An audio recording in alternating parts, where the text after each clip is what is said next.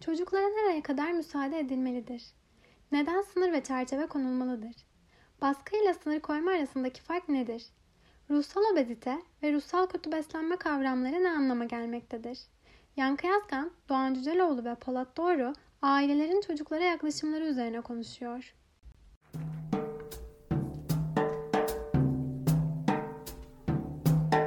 Değerli izleyenler, İnsan İnsana programına hoş geldiniz. Polat Doğru ve ben bu programı götürüyoruz. Bugün özel bir konuğumuz var. Profesör Doktor Yankı Yazgan. Yankıcığım hoş geldin. Merhaba tamam Bey. Hoş geldin Hoş hocam. bulduk Polat Bey. Evet. Profesör Doktor Yankı Yazgan Türkiye için önemli bir kaynak, bir değer olarak görüyorum. Ama benim için ayrı bir anlamı ve değeri var. Onun annesi ve babası için ben onlar benim kahramanım dediğim bir kitap yazdım. Ve hakikaten benim kahramanım ve hakikaten örnek alınacak değerler üzerine kurulu bir ailenin öyküsü ve Yankı Yazgan o ailede büyüdü. Ondan dolayı ayrı bir yerim var, ayrı bir gözle Sağ olun, bakıyorum. çok teşekkür ederim. Ee, yeniden hoş geldin. Hoş bulduk.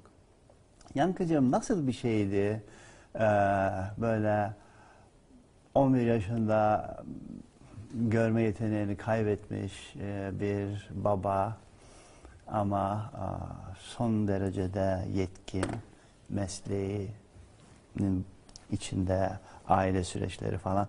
Ne zaman farkına varmaya başladın? Nasıldı onu merak ediyorum çocukluğunda. Yani şöyle, e, tabii babamın e, benim tanıdığım zaman diliminde e, görmeyen bir insan olması kitapta e, ve onun kendi işte öz yaşam öyküsünde de anlattığı gibi bizim ben ve kardeşimin ama en azından kendi adıma söyleyeyim hiç e, çok dikkatimizi çekmedi aslında. Çocuk olarak çünkü ne verilirse onu alıyorsunuz. Yani Evet. bunun başka türlüsü nasıl olur diye düşünmüyorsunuz. O duruma adapte oluyorsunuz. Bu hani büyüdüğünüz kent kasabaya adapte olmak gibi ailenizin gerçeği neyse e, ailemizin bir e, özelliği ve hani niye böyle diye bile sorduğumuz yani ben en azından sorduğumu pek hatırlamıyorum. Ee, hani e, mesela anne babamla e, yaşadığım yani çelişkiler, zıtlaşmalar e, çok uysal ve uyumlu bir çocuk değildim. Ama e, baktığım zaman bunun babamın e, görmemesinden, kör bir insan olmasından kaynaklanan hemen hemen hiçbir yanı, hani hiç yanı yok. E, onun bir tarzı, işte dediğiniz gibi değerlerine bağlılığı, bizim e, ya da benim o değerleri zorlayıcı davranışlarım, Evet. e, o onun koyduğu sınırlar, o sınırları benim aşma gayretlerim, Evet. onun o sınırları muhafaza etme gayretleri. Aslında Evet. çocukluk e, böyleydi. Babamın hani en önemli özelliği e, tutarlı bir insan olmasıydı. E, tutarlılığı e, ve tabii çok iyi e, bir insan olmasıydı. O yüzden e, ben mesela babamla tartışmayı çok özlüyorum.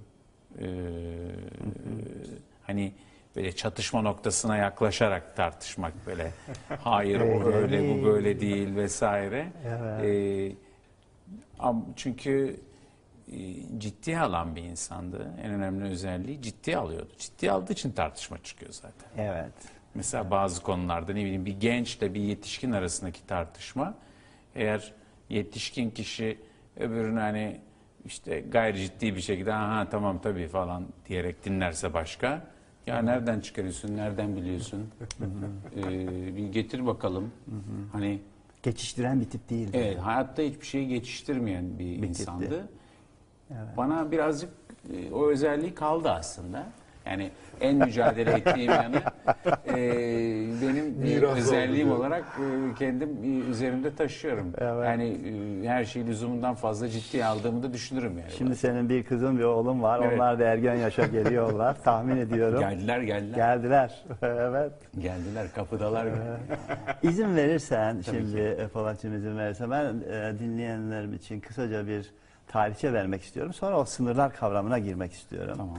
Ee, değerli izleyenler, e, ben Yankı Bey'in ofisine gitmiştim Ee, ve e, sen ofiste e, görüşme yaparken aşağıda böyle bakıyorum, geziyorum falan.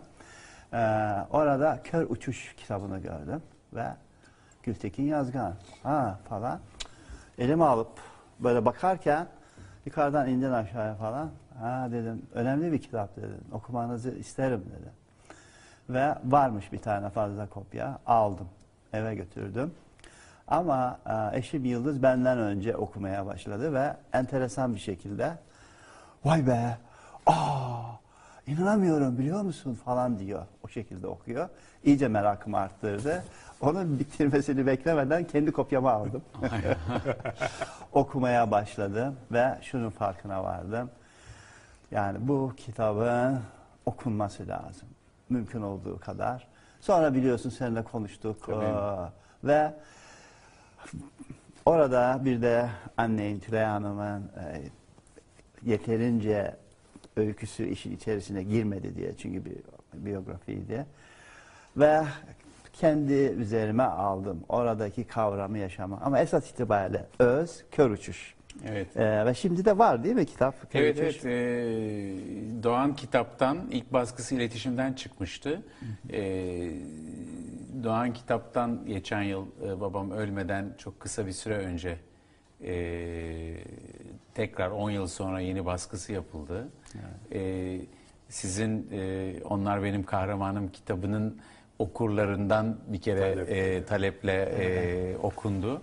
E, sonra bir tane daha yapıldı. Bir tane yani e, bayağı bir e, Evet. okuyucu kitlesi var yani şu İkisi anda. paralel gidiyor gördüğüm kadarıyla. Evet. Kesinlikle. Birbirini besleyen çünkü sizin orada yaptığınız e, kitabı e, kitabı yani daha doğrusu orada kitapta anlatılan yaşama ilişkiler düzeyinde bir boyut getirdiğinizi düşünüyorum. Yani bir e, insanın yaşam içerisinde ilerlerken başkalarıyla ilişkilerinin nasıl ayarladığı yani hem kendi çizgisini koruması hem de başka insanlarla bu çizginin eş zamanlılığını, senkroniz- senkronizasyonunu nasıl sağladığı, sevginin nasıl işlev gördüğüne dair e, hoş bir paralel kitap yani. Evet ve hakikaten eee, bir yaşam nasıl inşa edilir? Çünkü ev alırken işte A model, B model, C model, D modelleri Evet. vardır. Şunu isterim dersin. Ama bir evi kendin tasarlayıp mimarisini koyup ondan sonra böyle sıfırdan inşa etmek meselesi. Bu çok zor bir şey ve öyle inşa edilmiş bir yaşam var orada ve onun içinde büyüdünüz. Onun için kısaca bir gözden geçirmek istedim. Ha, sağ olun e, babamı anmış olduk. Anlamış olduk. Evet. olsun. Teşekkür ederim. Ya hocam şimdi tam bu yayına girmeden önce sizinle sohbet ederken Evet. bir konudan bahsettiniz. Bunu içeride de konuşalım dedik. Bu çünkü yani bize yazanlar, bu programa ulaşanlar birçok insanın üstünde durduğu konulardan bir tanesi. Ee, siz de çok hoş bir saptama yaptınız onunla ilgili. Bir paylaşmak istiyoruz. Bu nereye kadar müsaade edeceğiz çocuklara? Ne kadar izin vereceğiz? Her istediklerini yapsınlar mı meselesi? Ya biz baskı altında büyüdük. Çocuklarımız hiç baskı görmesin. Özgürlük, özgürlükçü bir ortam yaratalım. Her şeyi yapsınlar gibi ailelerin bir yaklaşımı var şu anda. Ve siz de yani bunun çok da sağlıklı bir şey olmadığını söylediniz. Zarar verici olduğunu. Zarar verici olduğunu düşünüyorsunuz. Ee, çünkü şöyle yani bu tabii bu psikoloji, insan yetişmesi, çocuk gelişimi konularında sonsuz sayıda görüş var. Evet. Ee, işte yani hepimiz bir şey söyleyebiliriz. Hepimizin kendi tecrübeleri var. Hatta e, bilimsel görünümlü bir takım görüşler de söylenebilir. Ee, ben o zaman bazen aileler hani e, bu görüşler arasında kaldıkları zaman sonuçta herkes kendi e, muhakeme e, gücünü kullanarak kendi süzecek, kendisi karar verecek. Hani biz öyle dedik diye Mutlaka öyle öyle yapmak olacak. kimse gerekmiyor. Şimdi herkesin bir kendi gerçeği var. Doğru. Dolayısıyla kendi gerçeklerini analiz ederek değerlendirmeler. Ama e, onun dışında da bazı genel ilkeler var. Örneğin yani yer çekimi kanunu değil mi? Bıraktığımız cisim yere düşer. Hani bu sizin evde bizim evde farklı değil. Şimdi çocukların e, sınırlarla ilişkisinin baskı olarak tarifi e, birinci hata burada. Şimdi sınır koymak bir baskı mıdır? Ee, baskı olarak kullanılabilir tabii ki. Ama şimdi örneğin bu programda bizim 35-40 dakikalık Evet. bir zaman sınırımız var. Doğru. Bu zaman sınırı e, tabii e, tatsız yanları var. Hani ben sizinle sabaha kadar muhabbet edelim, konuşalım, edelim. Hani bunu isteyebilirim. Diğer yandan bu programın amaçları açısından baktığımızda e, pazar günün önemli bir bölümünü bize ayıran kişilerin bizim sadece sohbetimize kulak misafiri olmalarının ötesine geçip onlar için kazanımlı olması açısından bu zaman sınırı önemli. Çünkü biz zaman sınırına göre işleyeceğimiz konuları ayarlıyoruz. Konuşmamız gereken bir konudan öbürüne geçiyoruz. Bir çerçeve aslında çiziliyor. Sınır bir çerçeve. Ne yapıyoruz, ne yapmıyoruz, e, yaşamın her anında olan. O nedenle hani çocuğa sınır koymak, ay çok kötü yazık denecek bir şey değil. Aksine onun odağını doğru belirlemesini, potansiyelini asıl akıtması gereken yere koymasını e, görüyoruz. O nedenle ben hani özgürlük ile sınırsızlık arasında bir ilişki görmüyorum. O nedenle hani özgür kelimesine de çok rastgele kullanılmamasını Evet. genellikle düşünüyorum. Ve bu çerçeve kavramı bence çok önemli. Çünkü o çerçeve olmazsa, daha doğrusu şöyle söyleyeyim, o çerçeve içinde yer alan şeye anlam veriyor. Çok doğru. Ee, eğer çerçeve olmazsa içinde yer alan şeyin de anlamı kalmıyor. Ee, o bakımdan hakikaten çerçeve var ve verdiğiniz örnek de bence çok güzeldi. Yaşamda da çok açık seçik veyahut da alttan alta sürekli çerçeveler var. Onun farkına vardığımız zaman onun içinde yer alan şeylerin anlamını bulmuş oluyoruz. Ee, o bakımdan hakikaten e, bu çerçeveyi nelere dayanarak çizeceğiz ki ailedeki değerler konusu Aynen herhalde öyle, tabii. işin içerisine giriyor ve yaş büyüdükçe çocuğun duygusal ve bilişsel gelişimi oldukça yavaş yavaş nasıl geliştireceğiz? O sohbet içerisinde nasıl yapacağız onu? Bence çok önemli bir konu. Ve sınırlarda en büyük yani baskıyla sınır koyma arasındaki konu şu. Baskı keyfilik içerir. Heh, ben tam onu merak ediyordum. Yani Keyfilik içerir ve sınır koyanın kendi menfaatleri için o sınırı koyması. Yani şimdi ben çocuk istediğini yapsın diyorum ama ben kendim maç seyredeceğim zaman onun kanalını kapatıp kendi kanalımı açıyorum. E bu keyfilik. bu keyfi. Anlatabiliyor muyum? tabii. Şimdi bu sınır koymak değil, bu baskı yapmak. O zaman e, diyebilirsiniz ki bu evde e, televizyon saatleri baba evdeyken babanın tercihlerine göre şekillenir. Bu bir sınırdır. Çocuk da ona göre kendini bilir. Onu yapar. Hani aklına es Şimdi aileler kendileri bazı aileler kendi akıllarına estiği gibi kendilerine sınır getirmemek için çocuklara sınır çünkü çocuğa sınır getirmek zahmetli bir iş. Çok zahmetli bir iş. Yani ben bir baba En olarak kolayı bunu yani öbür türlüsü. Öbür türlüsü en kolayı. Yani herkes istediği gibi hareket etsin, herkes istediğini yapsın. Bu ev herkesin gönlünden geçeni yaptığı bir evdir demek. e, Bir süre sonra güç noktasına da getiriyor. Herkes istediğini yapıyorsa güçlü olan Sadece bu güçlü orta- olan istediğini yaptı. Aynen Çok güzel öyle. Bu söylediniz. çok çok net bir hale gelir. Ta ki ben ben nasıl istersem öyle olur o zaman. Herkes çok keyfiyse ben de çok keyfiyim ama sınır koyup korumak gerçekten çok zor bir hale geliyor ve ben baba olarak mesela şeyin kaygısını yaşıyorum orada. Ee, ya bunu kendim için mi istiyorum, çocuk için mi istiyorumun kaygısını bazen Zaten yaşıyorum. kritik soru o. Yani ben baskı mı yapıyorum? Evet. Ee, ha şimdi tabii ki hepimiz hiçbir aile çocuğunun iyiliğini istemediğini düşünmüyoruz. Yo, yo. Ama fark etmeden kendi rahatımız Tam da burası. rahat kavramı orada önemli. Rahatını bozmamak için eğer ben sınırsızlık sınırı kaldırıyorsam e bu özgürlük vermek değil. Kendi özgürlüğüm, kendime bir rahatlık veriyorum.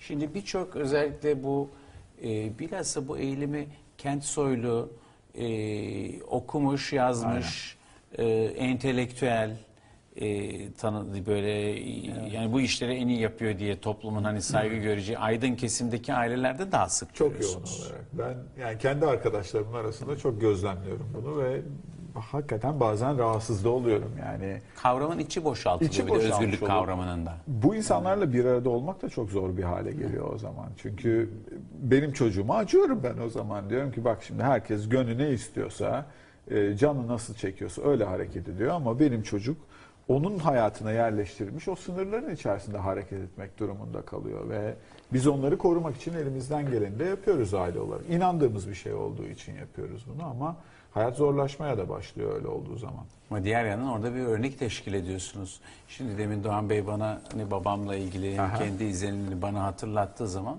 ben e, babamın bana ne yaptığını işte hoşuma gitmeyen bir sürü şey işte biz yemekte sofrada herkes kalkana kadar oturmak. Değil mi? Mesela.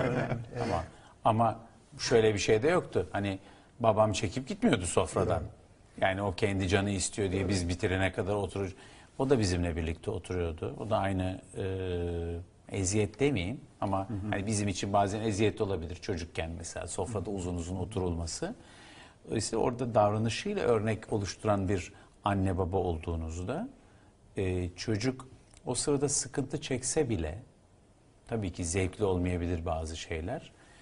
O sıkıntıya katlanabiliyor. Bu bir iş yerinde işte patron çalışmaya devam ediyorsa diğer çalışanların da gitmek aslında açıkça bir baskı olmasa bile çekinebilirler. Sadece iş korkusuyla da değil. Ya şimdi koskoca adam çalışıyor ya da hoca, öğretmen, profesör, doktor, şu bu vesaire. Biz gitmeyelim. Sistem böyle Diyebilirler. gelişiyor. Tabii. Doğru.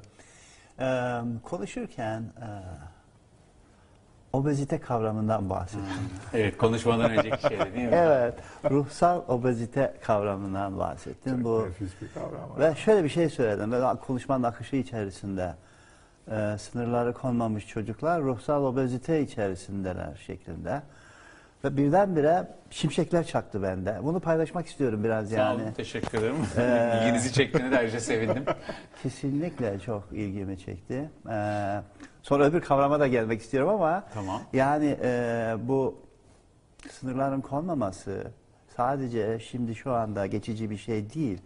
Böyle kalıcı sonuçları oluyor. Bu ruhsal obezite kavramı da Ruhsal obeziteyle yani bu obezite çok popüler ya bu ara hani Evet. belki daha kolay anlaşılır diye. Yani şöyle düşünün e, çocuklar yani yemekten bahsedelim. İşte orada o çikolata, burada bu gofret, burada bu şeker. Anneannesi aman üzülmesin ağzına onu koyuyor. Babaannesi "Ya çocuk eridi bitti diyor. Bir şeyler sokuşturuyor mesela biliyorsunuz. Çocuk onu istiyor, bunu istiyor, şunu istiyor. Herkes tamam diyor. Çünkü hayır demek zor. Korkuyorlar. Bağırır, çağırır, bir olay çıkartır vesaire. Ya da beni sevmezse. Anne babaların en büyük dertlerinden bir tanesi. Ee, ve ne oluyor? Yani şişmanlık bildiğimiz obezite öyle. Şimdi psikolojik obezitede de, e, ruhsal obezite ya da psikolojik obezitede de yine sınırsızlıkla siz e, kendinizi e, ihtiyacınız olmayan birçok nesneyle, birçok ilişkiyle dolduruyorsunuz. Seçim yapmadan rastgele ne çıkarsa karşınıza onu alarak, kullanarak bu bir oyuncak alımından tutun e, herhangi bir boş zamanınızı geçirecek bir faaliyete kolayınıza gidenlerle obezitenin de mesela bedensel obezitenin kaynağı genellikle lezzeti hoşumuza giden, kolay tüketilen yiyeceklerdir. Hani zahmet gerektirmeyen, hani fast Evet, food evet. vesaire gibi. Burada da yaşamı e, psikolojik olarak da yetişkinlerde bile oluyor. Kolay ilişkiler. Hani yormayan insanlar. Şimdi mesela bizim bu program bile birçok kişiye belki en Yorucu azından benim söylediklerim ay adam yine baydı sabah sabah moralimizi bozdu diyecek şeyler söylüyoruz. Halbuki aç öbür tarafı işte oplatın çocukları sarılın hiç bırakmayın 7 gün 24 saat falan öyle bir takım öneriler de var duyuyorsunuzdur belki. Ne isterse yapın ayağına kapanın. Şimdi bu söylediklerimi yapmak zor diğerini yapmak kolay. İnsan ilişkileri, arkadaşlıklar, e, okuduğumuz kitaplar değil mi? Şimdi o kalın kitabı kim okuyacak? İşte burada aynı lafı döndürüp dolaştırıp söyleyen bir takım kitaplar var biliyorsunuz. okudum mu okudum. Yani kolay kolay tüketilen maddeler gibi Evet. e, çocuklar da e, sınırların azalması ya da daha doğrusu azalmasına sorun yok. Sınırsızlıkla e, yaşam fazla kolaylaştığında e, bu bizi e, gereksiz bir takım aa, nesneler, ilişkiler, oyunlarla dolduruyor. Aslında söylediğinizden O ben yapıyor. şöyle bir şey anlıyorum. Sınır sadece içeriden dışarıya doğru değil, dışarıdan içeriye doğru da çalışıyor. Çok e, yani e, kesinlikle öyle iki yönlü bir şey İki var yönlü yani. bir şey. Yani ben bana doğru neyin geleceğini de ben sınırlar doğrultusunda belirliyorum ve dolayısıyla orada bir şişme, gereksiz bir yoğunluk, gereksiz bir birikme de olmuyor bu şekilde. Evet. Bir, bir giriş kapısı Aynen şey öyle, yapıyorsunuz. yani. Aslında beyinde bile bunun için bu tür uyaranları e, giriş kapısı talamus vardır mesela. Talamus öyle her gelen şeyi dikkatinizi çekmez. Biz şu anda mesela birbirimizle konuşuyoruz. Ne bileyim bu oturduğumuz stüdyoda sağda solda ne bileyim bir sürü şey oluyor olabilir. Hani kafamızı çevirip bakmıyoruz yani. Oradaki şeyde. Ee, yine e, bugün dışarıda konuşurken, sohbet ederken böyle dikkatimi çeken e, bir söz söylediniz ve e, bu da size ait. Bu önemli. Değerli izleyenler, e, bu önemli kavramlar bunlar E, ve sahibinin de altını çizmek istiyorum bu şekilde. Şimdi ee, hakikaten e, besleniyoruz. Abur cuburla beslenebiliriz. Yani tadı güzel olur, bilmem ne olur falan filan ama sağlığımızı etkiler ve sağlıklı olmayız. Ee, ruhsal kötü beslenmeden e, söz ettiniz. E, bu da son derecede önemli. Hakikaten e, sürekli tatlım cicim falan gerçekten çocuğu koparmak, e, kendi özüyle temas etmesine izin vermemek, böyle bir e, rüya alemi içerisinde e, gerçekliği olmayan tabansız sözler içerisinde bile o zaman hakikaten sürekli şeker verme gibi, sürekli, çikolata verme gibi böyle. Nasıl ki Sürekli beden... yatıştırıcı bir ilaç vermek gibi. Ha, Hani, evet. e, mesela değil mi yatıştırıcı ilaç verilmesine falan karşı hepimiz çok hassasız. Ama Evet. doktor ilaç yazmasın şu bu. Ama ona benzeyen şeyleri biz davranışlarımızla yapıyoruz. E, oradaki hani kötü beslenme biraz önce dediğiniz gibi besleyici değeri olmayan, tokluğumuzu, açlığımızı gideren her şey kötü beslenmedir ve e, bu gözle baktığınızda psikolojik açlığı bir takım böyle kolay çözümlerle giderdiğinizde şimdi orada tabii aileler e canım çocukların hani dünyanın acı gerçeklerini nasıl olsa öğrenecekler. Güzel çocukluk yılları hani güzel hatı.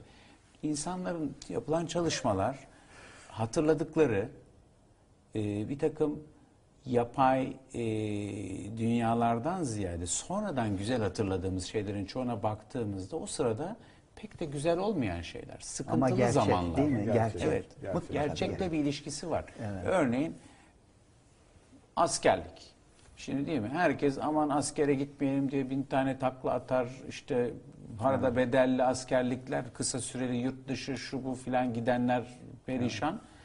Dönüyorsunuz askerden. Hani ben de 16 ay yapan e, dönem dönemlerden kalmayım. E, Vallahi herkesin oturup kalkıp anlattı. Üç erkek bir araya geldi. Abi nasıl yaptık askerliği falan işte şöyle ettik. E bu kadar kötü bir şey değilse hala hatırlanacak 3-5 tane ya da yatılı okul öyledir. Yatılı okul tam öyledir. E, değil mi? tam. Ya da yani hocadan yediğiniz dayak bile hani şimdi artık yok bereket versin ve çok kötü bir şey tabii ki takdir e, şey onaylayarak konuşmuyorum ama Evet. o dayak bile ya Nevzat Hoca nasıl çakmıştı falan diye hatırlanan bir şey oluyor. O nedenle olayın o anda rahatsız edici düzeyde yaşanması ileride kötü hatırlanacağı manasına kalmıyor. Aksine bazı zor zamanlar tabii Allah ne kadar az zorluk verirse o kadar iyi ama dayanıklılık geliştirici olduğu için bizim sağlamlığımızla ilgili de aynı zamanda bir geçmişimizden kalma bir sicilimiz oluşuyor. Dolayısıyla çocuğa sağlamlaşma, kendini sağlamlaştırma imkanı vermemiş oluyoruz. Kötü besleyerek, psikolojik Ve olarak. çocuğun içi bunu biliyor değil mi? Bilmez mi? Kof oluyor hocam ya. Kof da bence Kof çok oldu. güzel bir kelime. Kof. Yani. Evet. Görünüşte ama çok iyi. Yo, görünüşte Yağız delikanlı tamam ama e, kof. Evet. Gücü kuvveti yok. Höt dediniz mi de durur. Duruyor tabii. Evet. Otoriteyle ilişkisinde çok ciddi sorun oluyor. Ee, yani otoriteyle ilişkisinde e, yani çekingen demeyelim ama agresif korkak böyle iki arada e, yani Ya ezik ya saldırgan. fırsat bulduğunda, zayıf bulduğunda daha çok olan ve otoritenin tabii burada bir rolü var. Otoritenin bastırıcı etkisi olan ortamlarda yani keyfi olarak sınırları değiştiren sadece güçlü olanın yani evde en güçlü kimse e, genellikle baba oluyor. E, onun borusunun sadece öttüğü onu o istediği takdirde demokratik bir ortam oluyor. Hadi bakalım oylayalım diyor mesela baba ama kendi istediği sonuçlar çıkmazsa oylamayı hile yap, geçersiz sayıyor falan yani mesela. Bu tür hani siyasete çok benziyor bu aslında baktığımız şey. Evet. Ee, böyle olduğu zaman e, tabii ki o kişinin otoriteyle ilişkisi ve bakıyorsunuz e, babasına ya da otoriteye karşı çıkmaktan korktuğu için ne yapıyor bu çocukların büyük bölümü? Kardeşleriyle ilişkilerine yansıyor. Kardeşlerine baskıcı, kötü davranan. Toplumda da biz daha çok e, bizden daha güçsüzlere Kötü kötü davranıyoruz. Azınlıkta kalmışlara davranışların kötü olması daha çok baskıcı toplumlardır. Demokratik toplumlarda yüzde bir bile olsa bir toplumsal kesim hiç kimse açıkça hakaret edemez, kötüleyemez. Onu bir hakaret olarak o dine, o millete ya da öz- a- mezhebe bağlı olmayı mesela bir kötüleyici kelime olarak kullanamaz. Kullanamaz. Ama Türkiye'de biliyorsunuz yani açıkça telaffuz etmek istemiyorum ama birçok dil, din, mezhep hani hakaret olarak kullanılıyor. Evet. Çünkü onu zayıf gördüğümüz için güçlü olanla uğraşmak zor geliyor yukarıdakiyle, devlet vesaire otoritesiyle. E, zayıf bulduğuna yükleniyor. Evde de dev baba otoritesinin sert ve keyfi olduğu, bakın keyfi otoriteden, otoriteye karşı değilim kesinlikle ama keyfi olduğu, yani babanın o günkü keyfine göre şekillendiği yerde çocuklar arasında eşitsizlik ve şiddet oluyor. Evet. O zaman kural şey oluyor. Gücü gücü yine gücü Yeten o. gücüne yetene gibi bir kural Yani oluyor. altta kalanın canı çıksın ya Yanı da. çıksın gibi böyle. Ne güzel oluyor. atalarımız zaten bu günleri görüp, Görüp her durum için bir söz üretmişler. Evet. Her bedene uyuyor. yani. Evet. Ve tahmin ediyorum alttan alta da biriken bir öfke oluyor. O müthiş bir öfke oluyor. Ve patladı mı zaten işte ya binayı yakıyor içindekileri öldürüyorlar ya katliam yapılıyor. Yani büyük şeyler oluyor. Yani Türkiye'de insanların ben genel olarak aslında uysal, ılımlı, barışçı bir yapısı olduğunu düşünüyorum. Yani halkımızın gerçekten aslında genelde böyle bir özelliği var. Ama bu özelliğinin e, ne ters düşecek davranışların zaman zaman sergilendiğini de görüyoruz. Bunun daha ziyade yönetim tarzlarıyla o e, baskıcı keyfi otoritenin ağır bastığı zamanlar insanların e, bireysel özelleşmesine imkan verilmeyen koşullarda e, o kişi baskıcı bir birey haline kendinden zayıflara dönüşebiliyor. Evet. Sizin bu korku kültürü kitabında aslında bu konuda çok güzel örnekler var. Evet e, ve ben e, bu mesela çıkar ilişkileri bakımından bu çerçevede baktığım zaman güçlü olan istismar etmeyi bir hak olarak görüyor. Bağırırım çağırırım alırım elinden diyor. Edepsizlikle ya da yapma. Şey olan da zayıf olan da direnirim abi diyor. Allah rızası için abi ne olur bilmem ne falan filan. Bir de de gözün içine bakıyor yiyor musun falan şeklinde böyle. Ee, böyle sürekli bir e, gasp etmeyle e, bu dilenme arasında böyle gidip gelen durumlar oluyor. Çok doğru. Ee, onun için ve müthiş çalışmışlar. Ses tonu, bakış tarzı bilmem ne falan filan. Yani 20 saniye içerisinde böyle dilenci durumunda olan kendinden zayıf birisiyle konuşuyor. Ulan kıvırdır mısın? Hemen değişiyor. Ondan sonra Allah razı olsun abicim falan durumuna geçebiliyor. Ee, bu çıkar ilişkileri bakımından da gördüğümde o böyle bir şey var, e, durumu var. Ve tabii ki orada sadece bir ihtiyacın karşılanması düzeyinde ilişki kurmaktan ibaret kalıyor. Evet. İhtiyacınızı karşılayacak. Hani işimiz görülsün. Hani o Doğan abi falan diyorum ben mesela. Abi işte bir, bir şey versene. Bir sigara var mı? Alıyorum. Eyvallah demeden yürüyüp gidiyorum. Aynen bir öyle. daha gördüğümde yani cebimde sigara diyelim ki sigara örneğini verdim ama yani bir ihtiyacım olan bir şey bende varsa sizden talep etmiyorum. Evet. Sizi yok sayıyorum bir de. Bunun sonucunda enteresan bir şey oluyor. Bunu millet bildiği için birisi güler yüzle yaklaşınca Ulan ne isteyecek şimdi? E, selam verdiler rüşvetlidir diye almam diye Almadı. almadılar var ya ya da e, selam verip borçlu Borçlu çıkmak çıkma var. meselesi. E, Gerçekten hani birisi böyle 40 yıldır görmediğiniz birisi aradığı zaman Hakikaten. bakalım ne çıkacak altından diye. İşte bir hatırını sorayım diye başlar. Abi işte şöyle bir işimiz vardı. İşimiz düştü diye bir laf var ya Allah kahretsin diyor aslında yani. Seni normalde arayacağım yok ama. Yoktu ama diyor. Hani mecburen arıyoruz. Peki hepimiz yapıyoruz. Şimdi hani bunu bir başkalarına bir eleştiriyle bu kültürün içine sızıyor. Hepimizin yaptığı şeyler ama bu tabii bir yandan da bir yine sizin çok önem verdiğiniz gerçeklik ilkesiyle bir, bir ikiyüzlülük de getiriyor yani. Ve bunu doğal kabul ediyoruz. Yani böyle olmazsa böyle olmaz. Başka türlü yaşanmaz hani. Ya asıl mesele de benim de en çok ilgimi çeken kısmı orası yani. Bunun doğal kabul edilmesi hali. O, o hakikaten çok ciddi bir ikiyüzlülük aslında yani. Bir yandan biliyorsun ki bunu menfaatin için yapıyorsun ama bir diğer taraftan da biliyorsun ki kültürde okey diyor buna yani. Bir sakıncası yok diyor. İşte ama biraz önce siz çok güzel bir örnek verdiniz. Oğlunuzun e, siz sınırlar, değerlerle yetiştirmeye çalıştığınızda ama içinde olduğu çevrede bu olmadığında onun zor durumda kaldığını. Ama bunu doğal kabul etmeyen bir bakış açısıyla yetiştiği zaman o dayanık, o ana aynı zamanda bir sağlam duruş, o toplumun savrulması durumunda yerini, pozisyonunu muhafaza edebilmenin verdiği bir kişilik gücünü azımsamamak lazım. Ve Ama onu- o 10 yıl, 20 yıl sonra kendini Tabii, tabii, gösterecek. tabii. O- Evet ve onu hiç gözden kaçırmamak lazım. Siz e, Yankıcığım daha böyle hem beyin hem kalple aynı zamanda ilgilenen bir tavır içerisindesin. Ee, ve ikisiyle birden ilgilenmenin de gerçeğe uygun olduğunu söylüyorsun. Ee, bunun arkasında bir bakış tarzı, bir felsefe var. Ee, onu biraz açar mısın? Yani işte tabii bu kalp e, duygularımızı, beyinde aklımızı ve muhakeme gücümüzü temsil ediyorsa aslında ikisi arasındaki denge bizi e, biz yapıyor. Bu e, sadece aklın ya da sadece duygu ve dürtülerin güdümünde olduğumuz zaman ya bir makine ya da bir hayvansı oluyoruz. Halbuki biz hem hayvansı yanları olan yani e, doğanın bir parçası olduğumuz Evet. için ama aynı zamanda da doğayla mücadele içerisinde e, var olma mücadelesi içerisinde doğayı yok etme değil ama doğanın içinde var olma mücadelesi içerisinde aklını geliştirmiş, gelecek perspektifinde geliştirebilmiş tek canlıyız. Gelecek kavramı var bizde. Geleceğe bakabiliyoruz. Ama e, geleceğe bakabildiğimiz için aklımızla bir yandan da yüreğimiz e, kaygılanıyor. Çünkü gelecekte ne olacağını bilmiyoruz. Evet. Ve gelecekte ne olacağını tahmin etmeye çalışan bir beynimiz ve gelecekte olacaklara karşı ne yapacağını bilemeyen bazen ürkek bir kalbimiz var.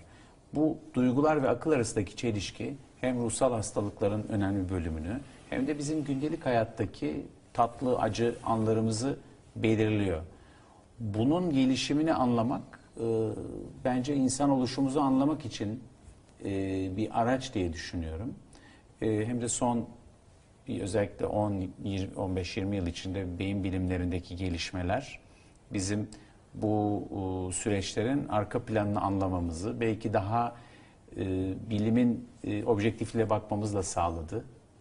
E, o nedenle bu perspektifi muhafaza etmeye çalışıyorum. Evet, son derece önemli bir uzman kişi olarak çünkü her ikisini de canlı tutmak zannederim hem evde ana baba bu bilinçte olmalı çocuk yetişirken. Doğru. E, evde kalp var mı? Evde akıl var mı? Bunun dengesi nasıl? Bir de eğitim ortamları son derece önemli. Müfredat programları oluşurken acaba kalbi ne kadar sokuyoruz işin içerisine? Sınıfa ne kadar sokuyoruz? E, çok önemli diye düşünüyorum. Çünkü insanın doğası dediğin gibi her ikisini de içermiş vaziyette. Ve çoğumuz e, akılsız olmaktansa daha doğrusu kalpsiz olmaktansa akılsız olmayı tercih ederiz aslında. Çünkü kalpsiz olmak kötü bir şey. Akılsız olmak yani daha idare edebiliriz. Yani insani özelliklerinizi bir ölçüde yine taşıyorsunuz. Kalpsizlik e, Kalpsizlik daha kötü Çok bir şey kötü gibi. bir şey. Yani Çok hiç kötü bir mutlu şey. olma yani ihtimali kalpsiz bir kuşak olmamasını isterim. Çünkü Evet. kalpsizlik acımanın, e, sevmenin, çok az yer olduğu e, bir ortam. Bir makine değiliz çünkü. Evet. Ee, zaten onu söylerken de yüz ifadeni görüyorum ve ben buradan yeniden e, senin içinde büyümüş olduğun ailede bunun çok güzel bir şekilde e, yaşadığını, dengelendiğini e, hissettim. E, saatler süren Biliyorum günlerce Konu- beraberdiniz. Beraber. Annem babamla ben o kadar uzun zaman bile uzun zamandır konuşmadım hayatımın aslında. en güzel anlarındaydı. Ve o kadar güzel bir şey ki o ortamda e, hem aklın gelişmesiyle ilgili bir bilinç hem de gönlün gelişmesiyle ilgili bir bilinç vardı. Ve bunun e, bir nevi böyle e, muhafızları, besleyicileri falan durumunda gerçekten onlar benim kahramanım. Ve Sağ olun teşekkür ediyoruz. Burada böyle beraber e, bir sohbet içinde olmak da ayrı güzel, tatlı Bence bir de. süreç. Öyle. Ağzınıza sağlık hocam sizin de. Çok teşekkürler Zamanımızı Polat Bey. bitirdik hocam. E, Böyle sınır bu var. Var tabii. Kim koydu bu sınırı? Değerli izleyenler, biz bu sohbetten çok zevk aldık. Umarım siz de almışsınızdır. Önümüzdeki hafta buluşmak üzere efendim. Hoşçakalın. Hoşçakalın. Hoşçakalın.